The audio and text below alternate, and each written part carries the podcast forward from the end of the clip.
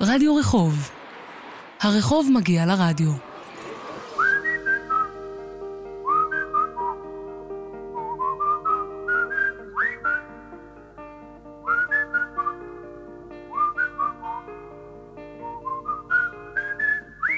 שלום לך.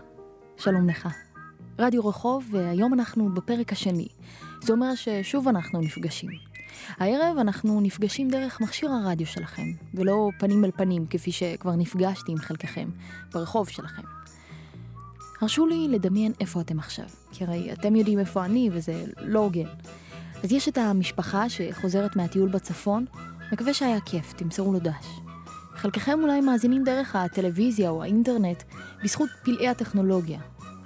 אותי מעניין ממש מי מכם מאזינים דרך מכשיר הרדיו. הקופסה המקורית, שמתוכה בוקעים רק צלילי הרדיו, ואין בה שום שימוש אחר. ולמי מכם יש את מכשיר הרדיו הכי ותיק. אבל עד כאן עם הדמיון, עוברים למציאות. המציאות היא שבתוכנית שלנו, רדיו רחוב, אפגוש אתכם בכל שבוע ברחוב אחר ברחבי הארץ. ברחוב הזה שוטט במשך יום שלם, ואדבר עם כל מי שאפגוש וירצה לדבר איתי. פשוט, לא? התחלתי ברחוב שאני מכירה היטב. הרשיתי לעצמי להישאר לתוכנית אחת באזור הידוע. יהודה הימית ביפו. שמעתם עליו? זהו הרחוב שבו שוכנת תחנת גלי צה"ל. הלוא היא התחנה ממנה בוקעים הצלילים ברגע זה ממש. כמובן שיש כאן עוד הרבה דברים, אז כדי לצאת מהבועה שלי, פתחתי את דלת הכניסה של הבסיס, תחנת גלי צה"ל, ולקחתי נשימה עמוקה. ולמה עשיתי את כל זה, אתם שואלים? כי אתם, אנשים מעניינים.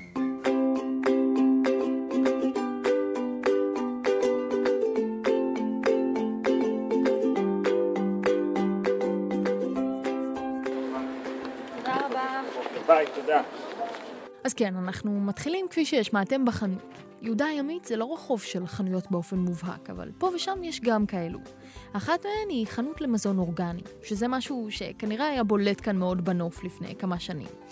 עכשיו היא נראית קצת במקומה וגם קצת כמו ניסיון להביא את האופנה התל אביבית אל יפו. אני ניגשת לאחת המוכרות.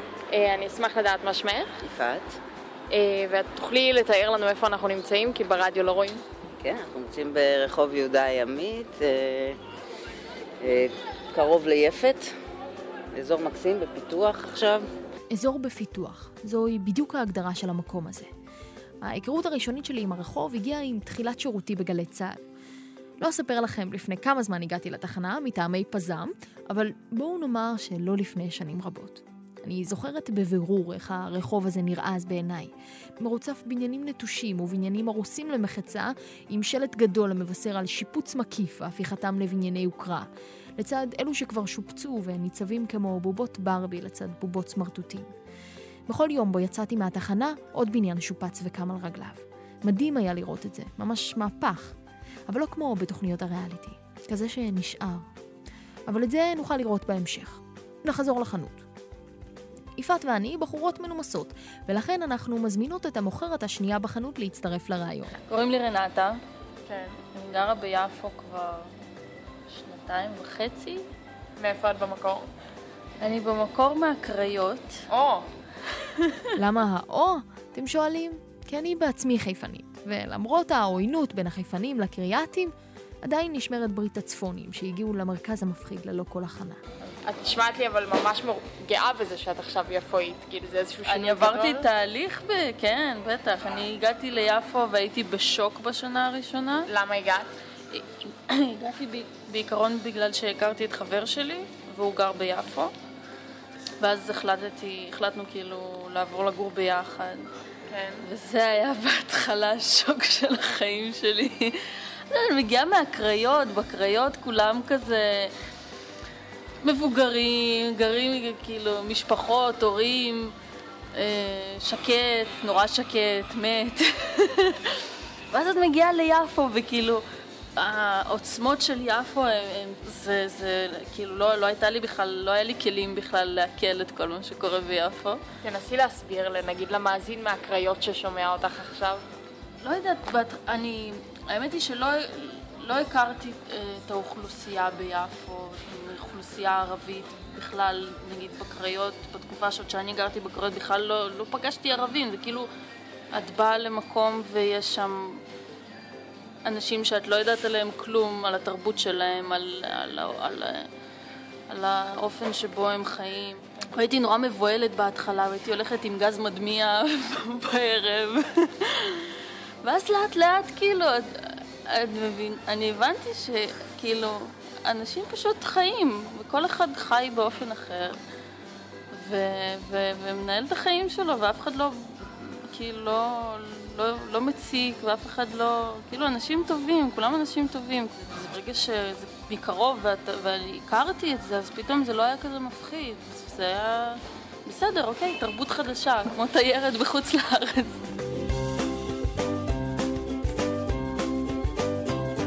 יהודה הימית, רחוב עם שם כל כך משונה, יהודה, אבל לא משהו זכרי כמו יהודה הלוי או יהודה לוי, אלא יהודה נקבית, יהודה הימית. משונה זה היה נשמע לי, אז חקרתי. יהודה הימית, יודעה נבליס בלטינית. כן, לרחוב שלנו יש שם בלטינית. כבר מביא לו קצת כבוד, לא? אז יהודה הימית זה הכיתוב שהופיע על מטבע רומאי נדיר. המטבע, כך סופר, הופץ כדי לציין את ניצחון הרומאים על יורדי הים היהודיים שהיו ביפו. הרומאים הצליחו לנצח את היהודים הימאים בקרב גדול ואכזרי, וכבשו את יפו. ככה זה. כשניצחת ואתה רוצה שאחרים ידעו, תוציא מטבע שיסמל את סיפור הניצחון, והוא כבר יופץ מעצמו. אבל אתם יודעים מה עוד יותר מעניין? שהמטבע הזה לא באמת היה. לא היה ולא נברא מטבע כזה. המטבע הזה הוצג לראשונה אי שם במאה ה-19, ולאחר כמה עשרות שנים גילו שהוא מזויף. ככה זה. המטבע אולי לא היה, אבל הרחוב בהחלט קיים. ועכשיו, כשאני יודעת גם על משהו על השם שלו, אפשר להמשיך לשוטט.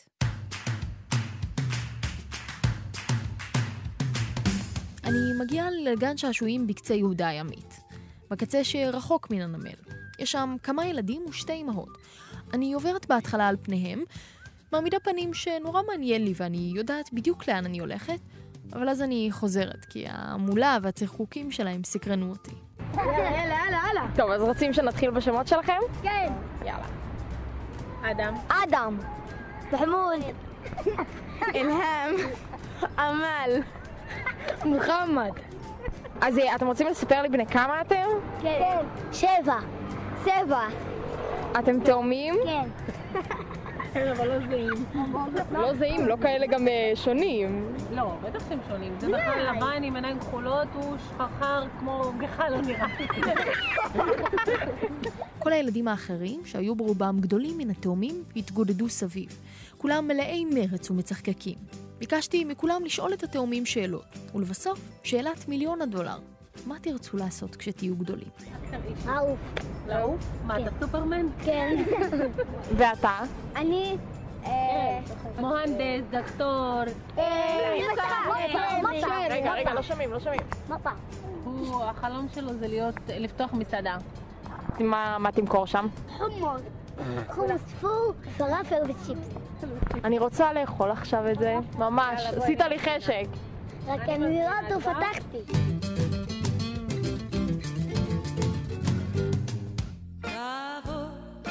תשים עיניים בשעון שבמגדל,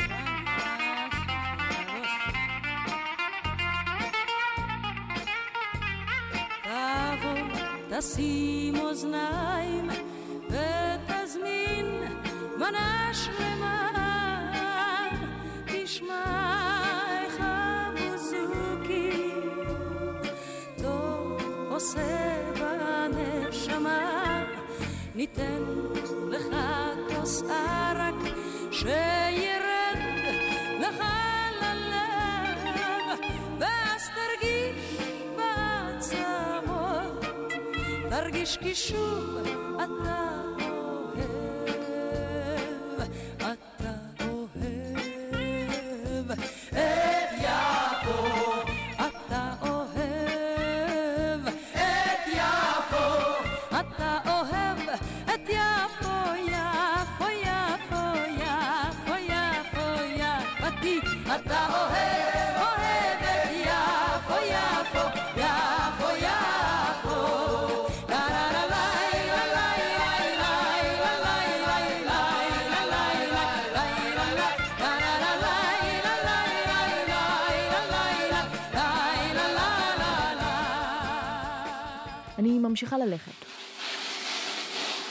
עוברת על פני המגרש הגדול אליו מגיעות מכוניות כדי שישטפו אותן. מגיעים אליו אנשים כמו הורים שמשאירים את הילדים כדי שיעשו עליהם בייביסיטר וגם יחפפו להם על הדרך את הראש. ובכלל, כל הזמן יש שם מים, כמו קרב השפרצות מים של ילדים. נראה לי שנהדר שם בקיץ, אבל עכשיו חורף, ואם שפריץ אחד מגיע אליך, אין לך ממש מה לעשות. אני מרוצה ששום שפריץ לא הגיע אליי, וממשיכה. בחלק של יהודה הימית שמשתלב עם הרחוב של הנשיא השני שלנו, רחוב בן צבי, נכנסתי דרך דלת זכוכית. לאן הגעתי?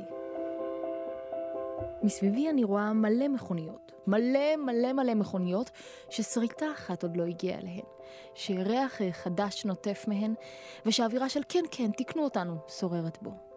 הגעתי לסוכנות נסיעות, ופגשתי את מאיר. אתה יכול לספר לי קצת מה בעצם בכלל התפקיד שלך? התפקיד שלי זה למכור מכוניות. כן. למכור מכוניות, ל- ליצור אינטגרציה עם אנשים, כל הדברים האלה. הוא מסביר לי איך לבנות את האמון של הלקוח. עכשיו, מה, מה חשוב? המוכר, אם הוא אמין עליהם מספיק, אז זה לא יהיה קשה לעשות את המכירה. ברגע שהלקוח המוכר מספר כל מיני סיפורים שהם לא נראים להם הגיוניים, אז הם לא קונים את הרכב. עכשיו, את לא מדברת איתם רק על הרכב. בדרך כלל מוכרן טוב מדבר איתם על כל דבר. כלומר, אתה יכול לדבר איתם על, אה, על החיים בבית ועל ברור, המשבר הכלכלי. ברור, ברור, ברור. כל דבר שעולה באותו רגע, אנחנו מדברים, כמו שאת מדברת איתי כרגע. מפה נוצרת אה, כימיה שממנה יוצאת עסקה. אני מוחה. אני מדברת עם האנשים שאני פוגשת מתוך רצון לגלות את סיפורם, ואילו הוא רוצה למכור להם רכב. אז אם אמרת שאתה מדבר עם הלקוחות על כל דבר, לדעתי זה נראית מין אה, מערכת יחסים אה, מין אה, מזויפת כזאת, כי יש לך הרי אינטרס לדבר איתם. יש אינטרס, אבל גם אני אדם שמאוד מעניין אותי כל מיני דברים, ואני סקרן מאוד לדעת על כל אדם מה הוא, מאיפה הוא הגיע ולמה הוא הגיע אליי. והייתה לי לקוחה פה שהיא סיפרה שהיא הייתה פעם מיילדת בבית חולים צאלון. ואני נולדתי בבית חולים צאלון. הייתה שהיא הייתה מיילדת בשנות ה-60 בבית חולים צאלון, בין ינואר 60 ל... לסוף אה, סוף דצמבר 60. ואני נולדתי ב-27 לתשיעי. התברר שכנראה היא הייתה המיילדת שלי. היא קנתה את האוטו בסוף? קנתה את האוטו ועד היום היא נוסעת על האוטו. שאלה אחת מביכה משהו יש לי. אני מצטערת, אבל זה מסקרן אותי. אם אתכם השאלה לא תעניין, תשמרו את זה בבקשה לעצמכם ואל תצחקו עליי. מה שאותי ממש מעניין, זה איך מביאים את המכוניות לתוך הבניינים. אה, פה, דרך שתי הדלתות האלה, פותחים את שתי הדלתות, פה בחזית, ומכניסים את המכוניות לאולם תצוגה. בצד השמאלית גם נפתחת, יש בזהירות בזהירות. יש שתי סנטימטר מכל צד ונכנסים. ומי עושה את זה? אנשים מיוחדים? בדרך כלל אני עושה את זה. אתה? אני המנהל אולם תצוגה. יפה, יש לך יכולות נהיגה מעולות. אז מתברר שאין שדונים שזה התפקיד שלהם, או שיקויים שמכווצים את המכונית ואז מגדילים בחזרה. אבל שמתם לב לאישה שהצטרפה לשיחה? עד כה היא התעסקה בניירת, בקצה האחר של האולם. משהו בשני האנשים האלה שיושבים מולי עכשיו תופס את תשומת ליבי. אפשר גם לשאול אה, שמות המשפחה שלכם זהים? אנחנו כן. בעל ואישה, אנחנו שתינו מנהלי הסוכנות של ניסן הילוך שישי.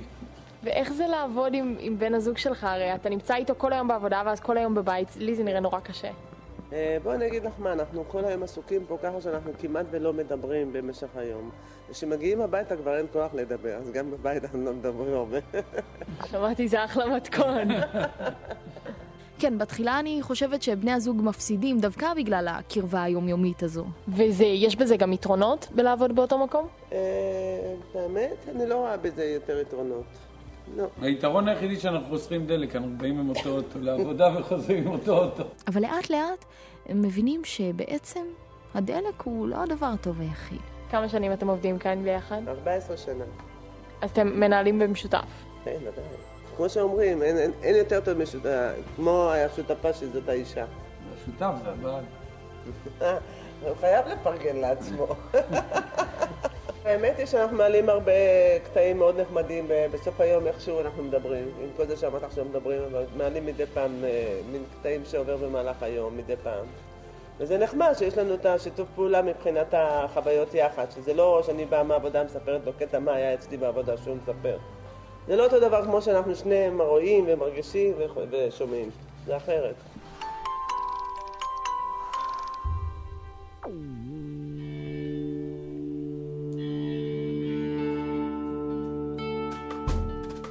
אני חוצה עכשיו את כל יהודה הימית. לא הרחוב הכי ארוך בעולם, אבל עדיין, זה סוג של כושר. ממש בקצה יהודה הימית האחר מתחיל הנמל. אז תראו, אמנם אנחנו בכל שבוע על רחוב אחד, אבל בואו נסכם שיש חריגות. פה ושם נברח לרחוב סמוך. אז עברנו לרחוב הנמל, אחד היפים שיש, אם לא הייתם. הביקור בו הוא בגדר חובה. הנמל משגע. באמת, אנשים כל כך שונים זה מזה נמצאים שם, וגם מטרותיהם כל כך שונות. יש את אלו שבאו לשתות קפה בנחת במסעדה, את אלו שהם מטיילים, את העובדים הצעירים בחנויות ואלו שחיים את הים. גם אלו נמצאים שם. אני נכנסת לאזור הנמל, הים המלוח באפי, ואני פונה שמאלה. חבורת גברים יושבת על ספסל קטן. הם נראים כמו אנשים של ים. לידם מונחים דליים וארגזי פלסטיק עם יצורים חצי חיים וחצי מתים. הדגים. השעה היא שעת צהריים ואני פונה אל אחד מהם, אברהים סורי שמו. שיחת ההיכרות שלנו היא קצת כמו חקירה. אני שואלת בהתלהבות, והוא עונה בתמצות, בלי הרבה חשק. איך קוראים לך? אברהים סורי. ומה התפקיד שלך? דייג. יש לך כאילו עסק או איך זה עובד? לא, אני עובד פועל. אז מתי הלכתם לדוג? יוצאים בארבע בבוקר. למה בשעה כזו? אה, ככה צריך, לפנות בוקר. חוזרים בעשר, 12. עד איפה אתם מגיעים? אשדוד, אשקלון, כן. ואז אתם מביאים את כל התכולה לכאן ומוכרים את זה? כן, יש פה סוחר שקונה את הסחורה. אנחנו מוכרים לו אותה, והוא מוכר לאנשים. ועתת יחסינו מתחילים להשתפר. בן כמה אתה? 29. אתה נהנה מזה? כן. אז uh, כמעט וזה להנאה, אין דייג פה, אין פרנסה. אין, זה מחלה, זה אי אפשר. אנחנו כמו דגים, אם נצא מפה נמות. אנחנו לא יכולים בלי ים. אומרים שהאדם הוא עץ השדה, אומרים גם שחברו הטוב של האדם הוא הכלב. אז אומרים, אבל חברו הטוב של האדם הוא הדג, זה שברשת שלו. אתם לוקחים רשתות או איך זה עובד? אנחנו יוצאים בלילה, פורסים רשתות, ב- בערב, בשש, שבע בערב, ויוצאים בארבע לפנות בוקר, מתחילים להרים את הרשתות שפרסנו בערב, ומה שיש דייג מביאים לפה. אמ, ככה, מה אתה אוהב עוד לעשות? אחרי שאתה מסיים. אה, זהו, לשבת פה, למכור את הדגים. להסתכל לים, נרגילה, באיזה גיל התחלת? 13, 14. מה, אתה במשפחה? כן, שלוש, אה, שלושה דורות אנחנו פה, אבא, סבא, כל המשפחה פה. מגניב. מגניב. זה מה שהיה לי לומר. באמת יופי. אמרתי יותר מדי פעמים מגניב בשיחה שלנו, אבל לא הורדתי בעריכה כי זה היה מביך. אז הנה השארתי מגניב אחד לדוגמה. קצת מוזר שזה מה שהיה לי לומר, זה פשוט שזה כל כך רחוק מכל דבר שאני מכירה. כל כך מגניב. יש לך אישה אם אפשר לשאול? כן. ומה היא חושבת על התחביב הזה? אה, אה, אני כמעט גרוש בגלל זה. אני כל הזמן פה, לא הולך הביתה. אין מה לעשות בבית, רק ילדים וצעקות. אז אנחנו מעדיפים פה, זה כל הדייגים ככה, לא רק אני. ילדים זה כיף, לא? זה כיף, כן, מתי שאני רוצה ללכת הביתה ולשחק איתם. אבל הם לא רוצים, הם רוצים שאני אשאר שם. ודייג, אי אפשר, דייג זה כל הזמן בנמל, זה כל הזמן בים. אין דרך ככה לחלק את הזמן, לעשות כזה שעות גבוהות כדי לשמור על היחסים עם האישה. אין, אין, בעיה, אי אפשר לוותר על זה. זה לא בכוונה, אבל ככה זה.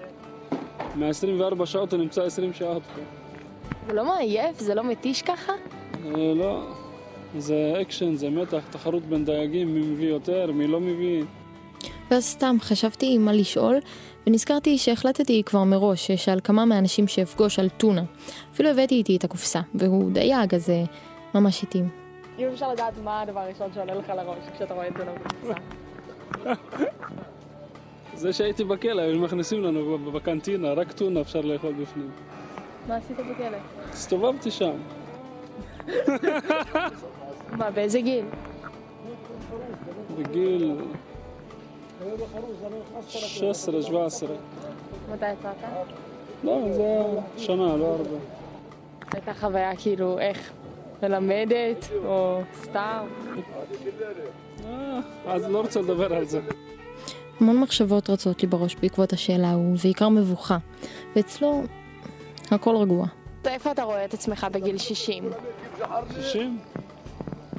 אני לא יודע יהיה בחיים. למה? מה זה, מה, מישהו יש לו פה רישיון, יש לו תעודה? אין. אם אני אהיה בחיים, אני אדייק פה זקן. אבל לא נראה לי נשרוד בים פה עד 60.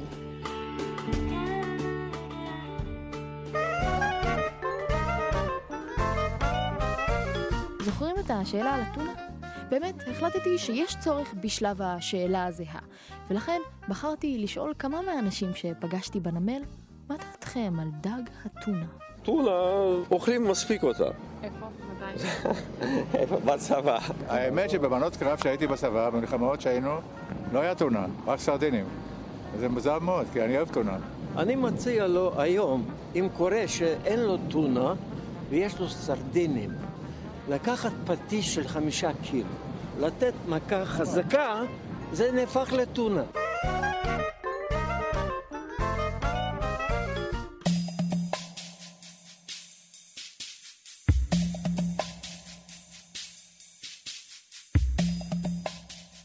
אני ממשיכה בנמל, פוגשת בחור צעיר עם חיוך רחב. אני מנסה לעשות את החישוב שלי בראש כדי לבדוק מה הסיכוי שהוא יענה לי. הרי מה לעשות, חלק מהאנשים בוחרים שלא לדבר איתי. וזה בסדר, זה לא שאני נותרת טינה או משהו כזה. אבל הוא נראה מחוייך וזורם, מישהו שלוקח את החיים בקלות. אז אני מנסה את מזלי. בואו נראה איך הלך לי. איך קוראים לך? שלום, שמי בר. בן כמה אתה? אני בן 23. אתה מכאן? Uh, האמת שממש לפני כמה שבועות עברתי פה לגור על סירה. כיוון שהביתי את פניי, הוא מבין שאני קצת לא מבינה מה הולך. למה אני גר על סירה? Uh, שכירות זולה. Uh, זה לבד, וזה כיף נורא. וזה די מסכם את כל היתרונות. משם והלאה זה רק חסרונות. אז זהו, בגיל 23, בר החליט לעזוב את ההורים במושב ולעבור לגור בסירה. למה לא בעצם? מה יותר שגרתי מזה? ולמקרה שגם אתם מעוניינים, נכנסתי לעסקי הסירות. אם אפשר רק להיכנס קצת לפרטים, כמה עולה שכר, דיר... שכר דירה לסירה? מן הסתם כמו בדירות, זה תלוי באיזה סירה ובאיזה מיקום ובכל מיני דברים כאלה. אבל ברמת עיקרון זה הרבה יותר זול מסירה, מדירה. לצורך העניין, משהו כמו אלף שקל לחודש. תלוי איזה סירה כמובן, יש סירה קטנטונת ממש. זה די ספרטני לגור על זה, אבל זה משתלם מבחינה כספית. זה לא עושה קצת תחילה? ממש לא. זה תענוג, באמת. זה, זה כיף לישון על זה, זה כיף להיות שם, לארח אנשים. זו אווירה נהדרת. כל הקטע הזה של לגור על סירה מדליק אותי, ואני כבר מתה לבקש מבר סיור בסירה. אבל אני חושבת שהסיכויים שהוא יסכים גבוהים יותר אם קודם נתחבר קצת, אז אני מתעניינת בחייו. ומה אתה עושה כאן בתל אביב ביום יום? האמת שעכשיו מצאתי עבודות נחמדות. אני מדריך סיורי סגווי. בשאר הזמן אני עובד בחנות בירות בוטיק ישראליות פה בקומפלקס בנמל. ובשאר הזמן שיש לי אני בעיקר מתאמן אמנויות לחימה. מתישהו בעתיד הקרוב מתכנן לחזור לדרום אמריקה, ללכת לגור קצת בברזיל, להתאמן ג'ו-ג'יצו. עכשיו אני כבר ממש בשאלת ההכנה לקראת הכניסה לסירה. אפשר לשאול אותך עוד קצת על החיים בסירה? מה נגיד הקושי הכי קטן שאנשים לא חושבים עליו? הקושי הכי קטן? אין מים חמים. למה? אפשר להתקלח במים חמים. אמ, כי כל המערכות על סירה צריכות להיות נורא קומפקטיות ונורא מתניידות, מה שנקרא. שירותים אפשר להקים, יש תשתית מים. חשמל זה לא בעיה כי יש תשתית חשמל. אה, אבל מים חמים, אין מערכת שאשכרה תחמם מים. אז אה, צריך לפעמים להתקלח במים קרים. כן, טוב, זה קצת נורא, אבל החלטתי להתגבר על זה. ושימו לב באיזו טבעיות אני מבקשת ממנו להיכנס לסירה. הסירה שלך כאן, אפשר לראות אותה? אה, היא פה במזח ארבע, האמת. כן? את רוצה? אני אשמח. כן? למה לא? בואי נמשיך. כאילו, אני אראה לך את הסירה. מדליק. מדליק בהחלט. והלכנו. אה, כן, כן, זה התנודות של הים. טוב, אני חייבת לשתף אתכם. האה הזה היה ממש ניסיון להסוות את האימה. הדרך לעלות על הסירה היא בעצם לקפץ על קרש קטן, שלי ממש לא נראה יציב. וחסר לכם אם אתם צוחקים עליי. זה, זה לא יפה, כי אנחנו כבר חברים הרי. בכל אופן, אני מתגברת על הפחד ומקבלת ציור בדירה סירה. אה, קוראים לה זולה, בסירה. מיטה, אה, סוג של כיור, מקרר קטן. יש פה כל מה שצריך למחיה נורמלית, סך הכל. זה הקטע של האין מים חמים, אבל אה, כולם מסתדרים עם זה. ניסיתי לצלם בראשי תמונה של הבית, למרות הבחילה, כדי שאוכל לתאר לכם. זה קטן, ממש ממש קטן. בכניסה יש מין מרפסת כזו, שבה יש ארון ומקום לכיסא, בו אפשר לשבת ולהתבונן על הים. כל השאר דחוס באופן שלא ניתן להאמין. הרהיטים והחפצים מסודרים בצפיפות מעוררת השראה. אני יכולה להבטיח לכם שאימא שלו הייתה גאה. בטח בחיים החדר שלו לא היה מסודר כזה. יש פה גם אה, יחסי שכנות טובים כאלה בין כל בעלי הסירה, בדרך כלל. כמה זמן אתה בונה לגור כאן? האמת היא שזה תלוי אה, מאוד בבעלת הסירה, שמבלה את רוב זמנה הפנוי בחו"ל. אה, אם וכאשר היא תחזור, אני פשוט אצטרך אה, למצוא משהו אחר. חלק מהעניין, ידעתי שזה ככה. זמן מה כבר עבר מאז פגשתי את בר. אינני יודעת אם הוא עדיין שם, חי לו על הסירה שלו. אולי הוא בכלל נסע לברזיל שוב. הדרך היחידה לגלות היא להגיע למזח של נמל יפו. ושם אולי תקבלו גם אתם חשק. אם הסירה של בר לא, לא תהיה פנויה להשכרה, אולי תוכלו לשכור את הסירה של היד. ביקורי בנמל הסתיים. אני חוזרת ליהודה הימית. עכשיו, תכירו, זה המנוף, והרעש שלו גרם לי להתקרב. האנשים עם המנוף חנו ממש ליד התחנה שלנו, תחנת גלי צה"ל, ונראה שיעדם הוא הבניין הסמוך. הייתה התרחשות במקום, אז הרמתי. הרעש היה בלתי אפשרי, אבל הנה התמונה. שלושה גברים, בגילים שונים ועם סיפור אחר לגמרי, נמצאים ליד משאית גדולה אליה מחובר מנוף. הצעיר השתקן עומד על החלק הנגרר של המשאית, עליו ערימות לבנים, ומחבר את הלבנים למנוף. גדי, כבן 40, נראה כי משחק בפלייסטיישן, אבל הוא בעצם מכוון את המנוף עם הכפתורים. ואכרם, הקבלן, נמצא ליד המקום אליו המנוף מוריד את הלבנים. המטרה שכל הלבנים ירצפו בסופו של דבר את הכניסה לבניין. זה קורה בכל רחוב. כל אחד מאיתנו, גם אני כמובן, ראינו את החבר'ה האלה כל כך הרבה פעמים. בין אם באים לשפץ, או מכניסים ספה דרך החלון, או אולי מעבירים דירה. אז למה לא חשבתי עד עכשיו פשוט לדבר איתם? איך קוראים לך? גדי. גדי! אכרם, אכרם. ומה אתה עושה עכשיו? עושים את יפו יפה. זה בלטות בסגנון ישן, אנחנו חייבים לעשות אותו הסגנון שקיים. פניתי לאכרם. להביא לך את זה לפה, כן? כן, כן. אתה עובד עם המנוף או שאתה מטעם... אה, אני הקבלן פה. ואתה יכול לספר לי כמה זמן אתה עובד בעבודה שלך? אני, עכשיו אני בגיל 49, אני כבר 30 שנה. נהנה? אה, כן. כאילו למה, מה, מה גורם לך לאהוב אותה? תראה, קודם כל זה הפרנסה שלי ושל הילדים. אני לא רגיל אה, לעבוד בחברה, לאכול לפי שעון. בבניין אוכלים מתי שבא לנו, משוזים קפה מתי שבא לנו. אכרם בן ה-49 לבוש בגדים אפורים, נראה אדיב ופתוח. אנחנו זזים קצת כדי להתרחק מהרעש וממשיכים להיבטים קצת יותר אישיים. איפה אתה גר? אני בשטחים, בקלקילה. ואתה מגיע לכאן כל יום? כן, יש לי אישור עבודה מסודר, אין לי שום בעיה להגיע. ואיך זה, כמה שעות זה לוקח? אחרי שאני אצא מהמעבר, אה, 35 דקות אני פה. למה אני בא מוקדם, אין לי פקקים. וכמה זמן אתה צריך להיות במעבר? אני מותר לי עד שבע להיות פה. אה, במעבר, תלוי, אני חייב לקום ב- בארבע בבוקר, ושם זה חברה. היה קודם הצבא שם יותר טוב. ולמה אתה בוחר לעבוד כאן? למה לעשות את כל הסיבוך הזה של להגיע לתוך השטח של ישראל?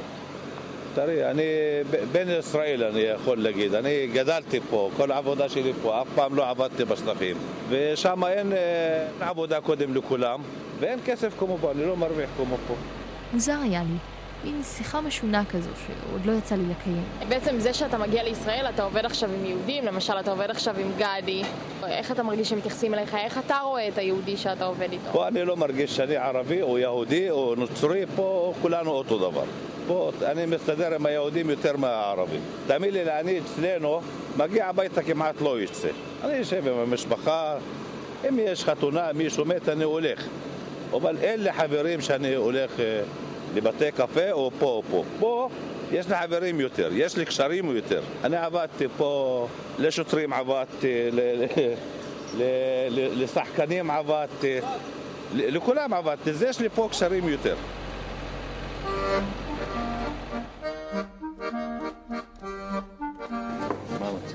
מה אתה נותן לי בשביל ככה השנה? אני נותן לך כוסות ריקות ליין. כן. גם טוב. אני נכנסת לסופר. המון גברים עובדים שם וגם אישה אחת, רבקה. אני מאזינה בשקט בעת שהם משרתים את הלקוחות, מחכה שירד הלחץ ואוכל לדבר איתם. אלא שאז אני קולטת מישהי גבוהה באופן חריג, עומדת ממש קרוב אליי ובוהה בי. היא נראית לגמרי לא מכאן, וזו סיבה מספיק טובה לדבר איתה. Um, hello. Hi. Uh, you, you, you probably don't understand what I'm doing, so I'll explain. Okay. Um, I'm from the Israeli radio. It's right across the corner. And what we do is we simply come to some streets and we talk to people we see on the street, or, for example, people in the store. אוקיי. אני מסבירה לה מי אני, מאיפה אני ומה אני עושה, ואני רואה שהיא בעניין. אז אנחנו מתחילות לדבר. So what's your name? My name is Taina. And where are you אז אה, מה שמך? קוראים לי טיינה. ומאיפה את? אני מפינלנד, אבל גרה בברלין. אז מה את עושה כאן? רק אה, מבקרת במקום. אני שואלת אותה על ההתרשמות שלה מישראל כמובן, והיא סוג של אה, משחקת איתי במשחק ההפכים. Uh, the country is amazing. And um, I don't, I'm not sure, it's crazy, המדינה הזו מדהימה. ואני לא בטוחה. משוגעת, מדהימה, נוראית, נהדרת, הכל ביחד. וזו ההבחנה שלה אחרי שבוע, כן? ומה לגבינו הישראלים? יש לה דווקא בשורה משמחת. Do you think uh, people in Israel are outgoing in the positive way or in Yes. the... Yes, very friendly. את חושבת שאנשים בישראל הם אה, חברותיים באופן החיובי של המילה, או... כן, כן, מאוד ידידותיים. אני המומה. המומה. אנחנו רק שומעים את החדשות הנוראיות על uh, מלחמה ואלימות, ואני פשוט מופתעת מכמה שהמדינה ידידותית. אני מרגישה שבמהלך כל התוכנית אני מנסה להעביר לכם את הקסם של יפו. והנה סוף סוף מצאתי מישהי שתעשה את זה הרבה יותר טוב ממני. הרי היא בתור תיירת התחילה להתפעל מיפו רק לפני שבועיים. אז זה עוד טרי אצלה. So tell me, what, what did you like about Yafo that we're here now? Um, I think this... אז תגידי לי, מה אהבת ביפו שבה אנחנו נמצאות עכשיו? אני חושבת שהחיבור בין החדש והישן מאוד נחמד. זה מאוד תיירותי, אבל שוב, גם לא. יש כאן אה, מוסלמים, יהודים, יש שילוב של הכל.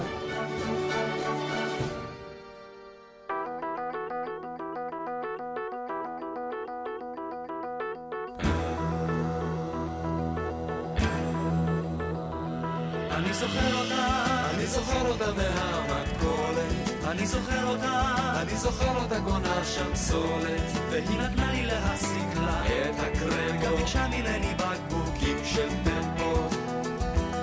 אני זוכר אותה, אני זוכר אותה מהמכולת. אני זוכר אותה, אני זוכר אותה קונה שם סולת. אני זוכר אותה קונה שם לחם גימל. אני זוכר אותה מזמן מכיתה גימל.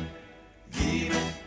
גילה דומני אל give you my heart תעבור הכביש ותחזור למכולת קולט גלי צה"ל וקולט עלייה מרוסיה. כפר שמריהו וואו.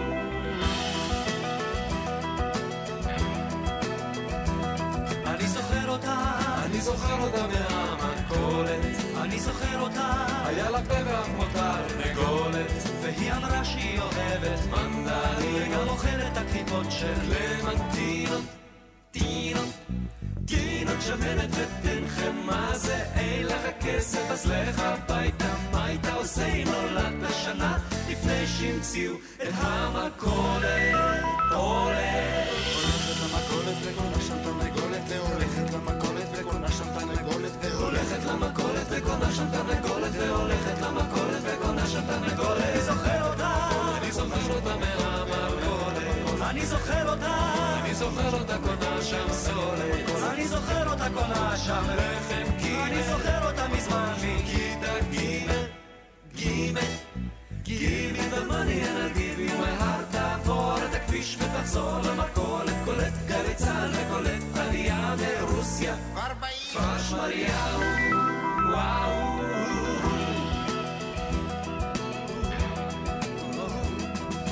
מהמכולת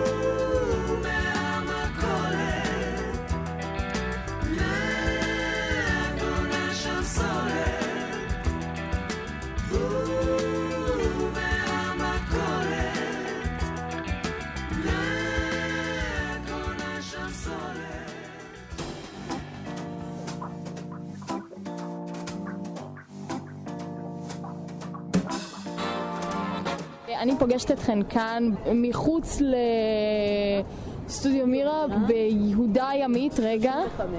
מה? יהודה ימית 35. את בקיאה. כן, הגעתי לפה. הייתי צריכה את הכתובת.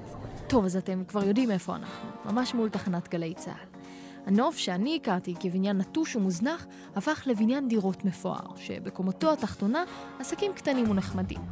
החלון לרחוב הוא שקוף, ובפנים יש המון התרחשות. לא הייתי אומרת שיהודה הימית הוא רחוב כל כך עסוק. ולכן ההתרחשות מסקרנת אותי. הגעתי לכניסה ופגשתי את לבנת וליאת, שנראו כמו חברות טובות ומתלהבות בגיל העשרה. רק שהן לא היו בגיל העשרה. וסיבת ההתרגשות וההתלהבות ממש לא הייתה הבן הכי יפה בכיתה שחייך אליהן. מה אתן עושות כאן? אני באתי לשיעור התנסות אצל מירה. תמיד רציתי להתחיל ולהתעסק עם זה, והיא נורא חביבה וחמודה ומקבלת ולא נותנת לה... הרגשה הגרועה שלך שאתה לא יודע איך לעשות אה, בכלל אה, מקום. היה ממש כיף. בתור אה, שיעור אה, ניסיון ראשון לא ממש הצלחתי ליצור שום דבר, אבל אה, היה ממש מגניב ושיעור מאוד מרגיע. השאלה היחידה שנותרה היא, רגע, מה זה השיעור הזה בכלל? השאלה שלי היא, כאילו, חימר? מה? זה מגניב, זה בדיוק הקטע. כמה מאיתנו בעצם אה, התעסקו בחמר ב- בילדות? שאת רואה את כל המאפרות שבא לך ליצור, את נכנסת לתוך העניין. אז את באת בשביל המאפרות? באתי בשביל המאפרות, הקדים, הצלחות, הכוסות, המתקן והסכו"ם. בעצם את רוצה להבזר לעצמך את הבית. נכון. אני מנסה להבין אם זה איזשהו טרנד, הטרנד החדש של תל אביב שאני עדיין לא עליתי עליו. הייתי אומרת שזה הולך להיות הטרנד. זה הולך להיות הדבר. ליצור ולאבזר את הבית. אולי חיסכון בעלויות אפשר לקרוא לזה, בשל המצב, ה... המצב שלנו במשק. מעמד הביניים, שמעתם? אתן רוצות להסביר לי קצת על התהליך? איך, איך יוצרים מהניסיון שלכן? אז יש לך גוש ש... חומר. חומר. שאת שמה בתוך האבניים, ואז את מ- מ- מרכזת אותו ומייצבת אותו. ואז לאט לאט את מרימה אותו ומורידה אותו, ואז את עם שני הבעונות שלך, מטה, מטה, מטה, מתחילה ליצור את היצירת מופת. ומה שיוצא יוצא. יש עתיד למעבר לשוק הקרמיקה? אם היית רואה את היצירה שלה, אז לא ממש היית שואלת אותה את השאלה הזאת.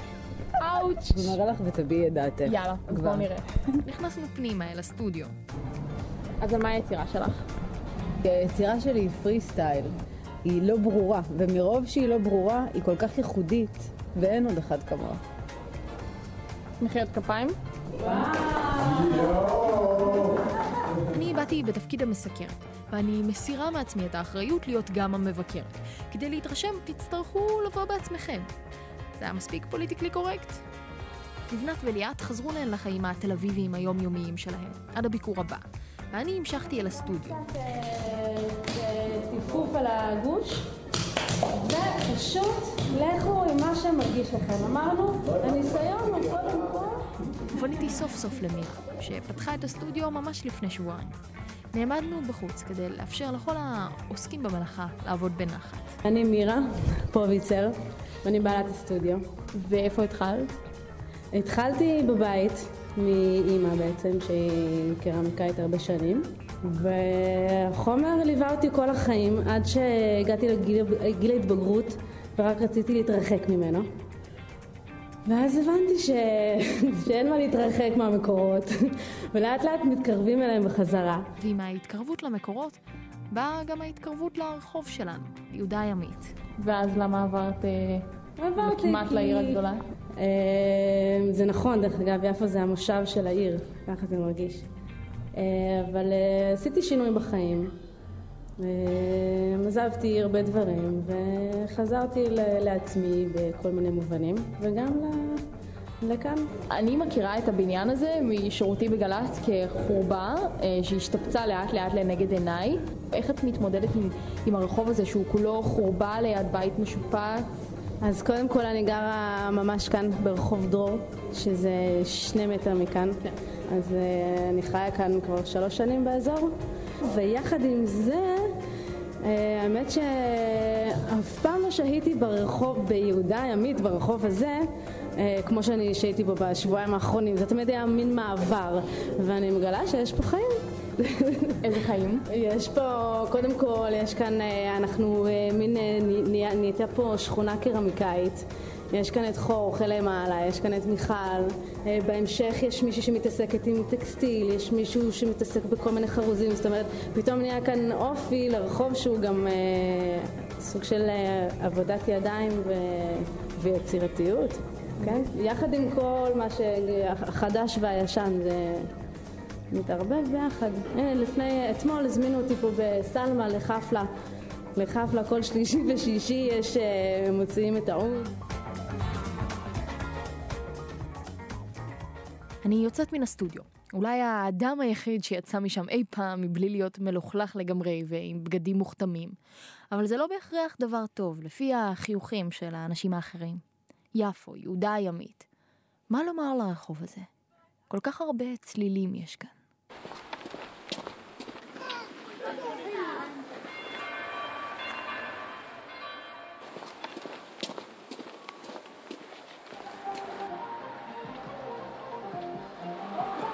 ולפעמים כל הצלילים נהפכים פשוט לרעש אחד גדול.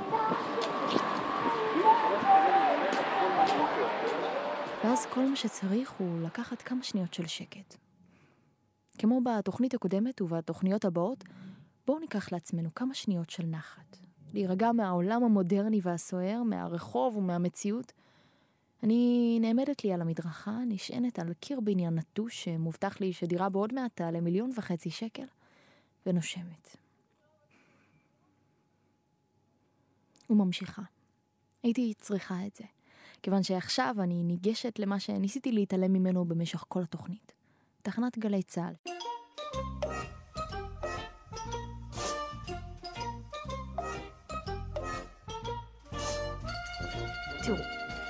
אין מה לעשות.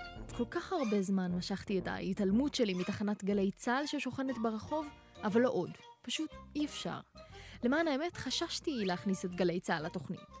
למה? מה יקרה? חשבתי, אגיע לחבריי ואשאל אותם מה שלומם, מה הם עושים, אבקש מהם לספר לי איזו כתבה הכינו או איזה מרואיין סגרו לתוכנית במוצ"ש, הם הרי הסתכלו עליי מוזר. אז התביישתי, חששתי.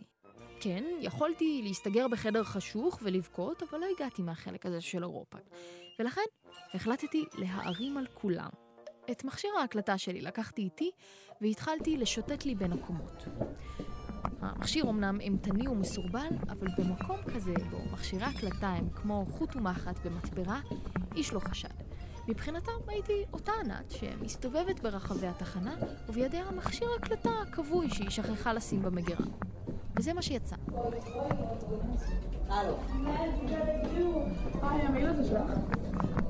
אני ויתרתי על המיידלה. אל תדאגו, זה משתפר. וואי, התחלתי עכשיו לחשוב על קורס, זה כל כך מלחיץ, שכאילו בכזאת תקופה קצרה עברו עליי דברים ש... זה לא אמיתי. אני לא יודעת איך להוציא את זה החוצה לאנשים אחרים שיבינו כאילו מה עבר עליי. זו הייתה אחת החיילות שפגשתי במעלה המדרגות. ירדתי מטה וביקרתי בדסק החדשות. התחייבו להימנע מצעדים חד צדדיים.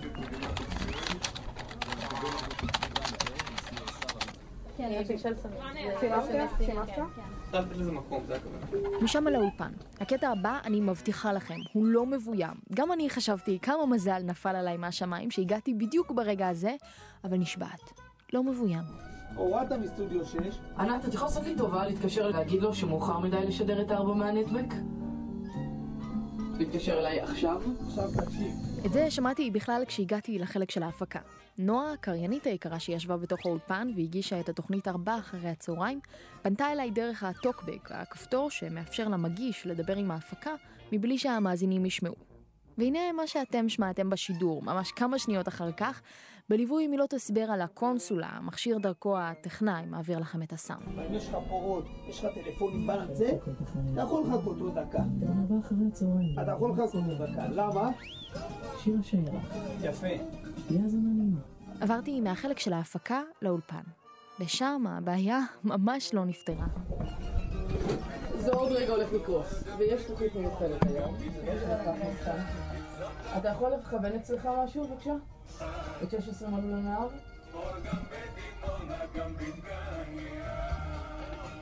וביצוע של גבי שושן? תודה. זהו, החבר'ה הצילו את המצב, ואני מאפשרת לנועה להסדיר את נשימתה ויוצאת מהאולפן. לסיום, אנחנו בכל זאת חיילים. ושביזות, אתם יודעים, מה לעשות, אנשים לפעמים שבוזים. וואי, איזה יום קשה זה היה. התחנה האחרונה, יהודה הימית 2.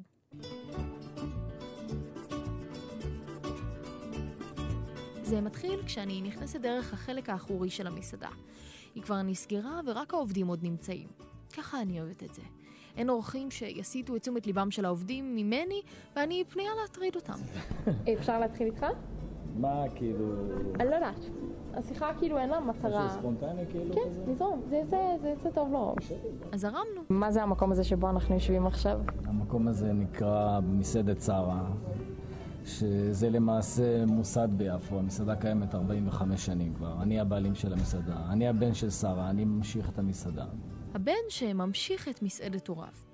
סיפור מוכר, לא? זה היה ברור? זה היה מין מסלול טבעי כזה שתירש את זה ותמשיך? לא, לא, ממש לא. היה לי סלון לכלות, וכשהחלטתי... סתם, זה קטע קצת מורכב, כזה בתור בדיחה, אני ואבי ישבנו ודיברנו, ואז אמרתי לו, למה אתה לא עושה ככה, ולמה אתה לא עושה ככה, אז הוא אמר לי, למה אתה שואל יותר מדי למה? אם אתה, חוש... אם אתה יודע אותו טוב ממני, תבוא, תצטרף.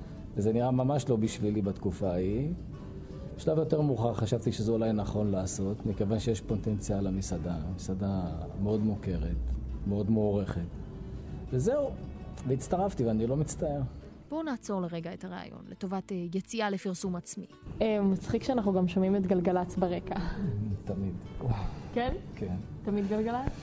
כמעט תמיד.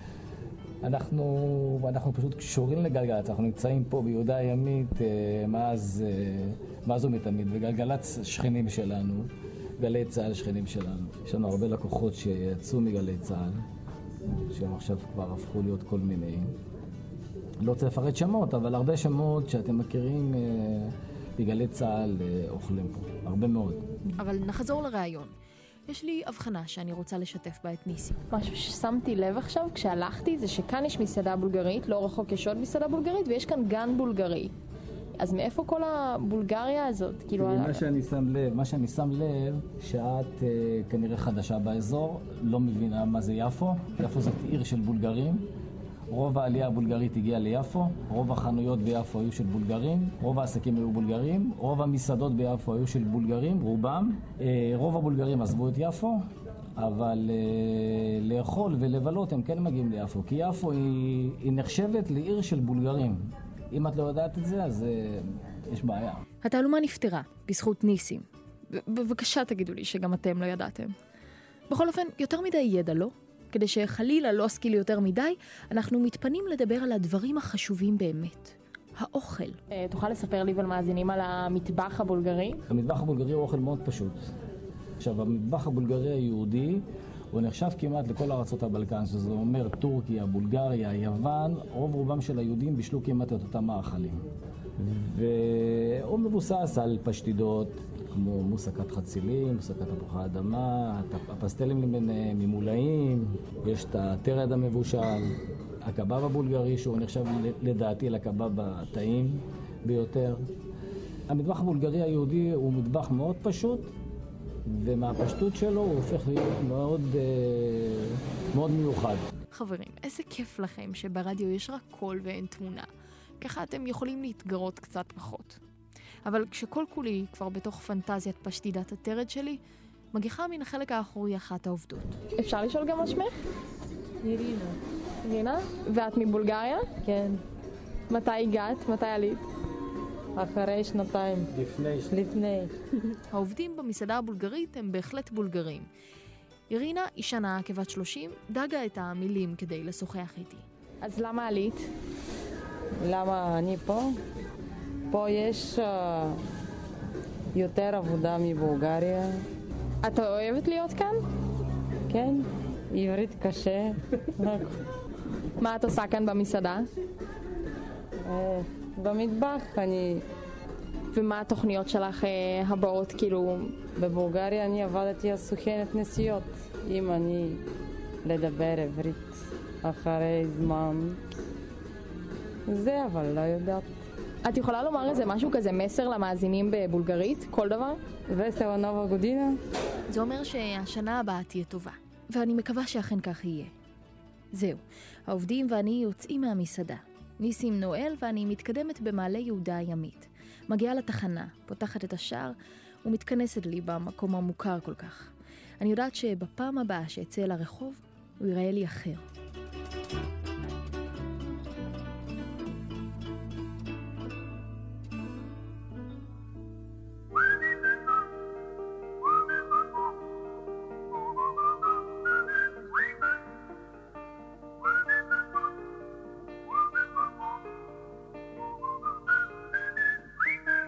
תודה גדולה לשיר מאיר על ההפקה, לנעמה, דסי על העריכה המוזיקלית.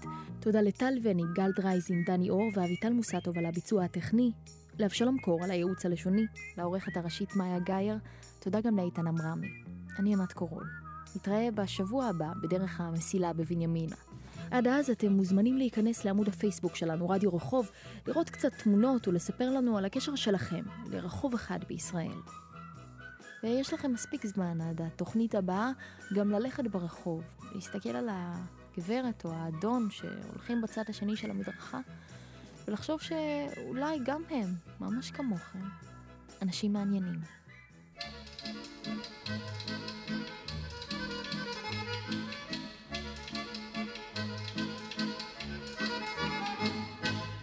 אין כמו יפו בלילות, אין כמו יפו בעולם.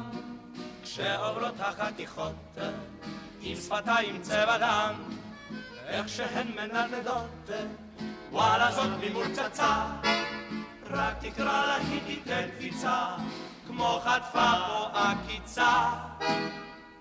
ככה זה בעולם אין אמון בבני אדם מה אנחנו סך הכל מהשטח הגדול בוא נשתה חביבי בירה כל אחד יגמור עשרים ונראה אצל אלבירה מה עושים החברים שם.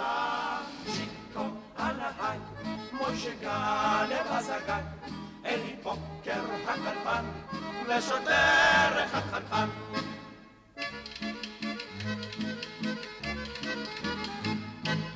אין כמו יפו בלילות אין כמו יפו בעולם. בוא נצא עכשיו עם לוטה לטייל על שפת הים. שם יושבים עכשיו זוגות ומתחבקים כמו שיכורים. אבל כשאנחנו רק עוברים מסתלקים הממזרים. ככה זה בעולם אין אמון בבני אדם. מה אנחנו סך הכל מהשטח הגדול בוא נסחוב פה כיסא נוח ונמכור אותו לשמיל ונקנה כרטיס קולנוע בשורה חמש בצליל. שם גם שיקו הנהג מוישה גנר הזגג אלי פוקר הכלבן לשוטר אחד חנפן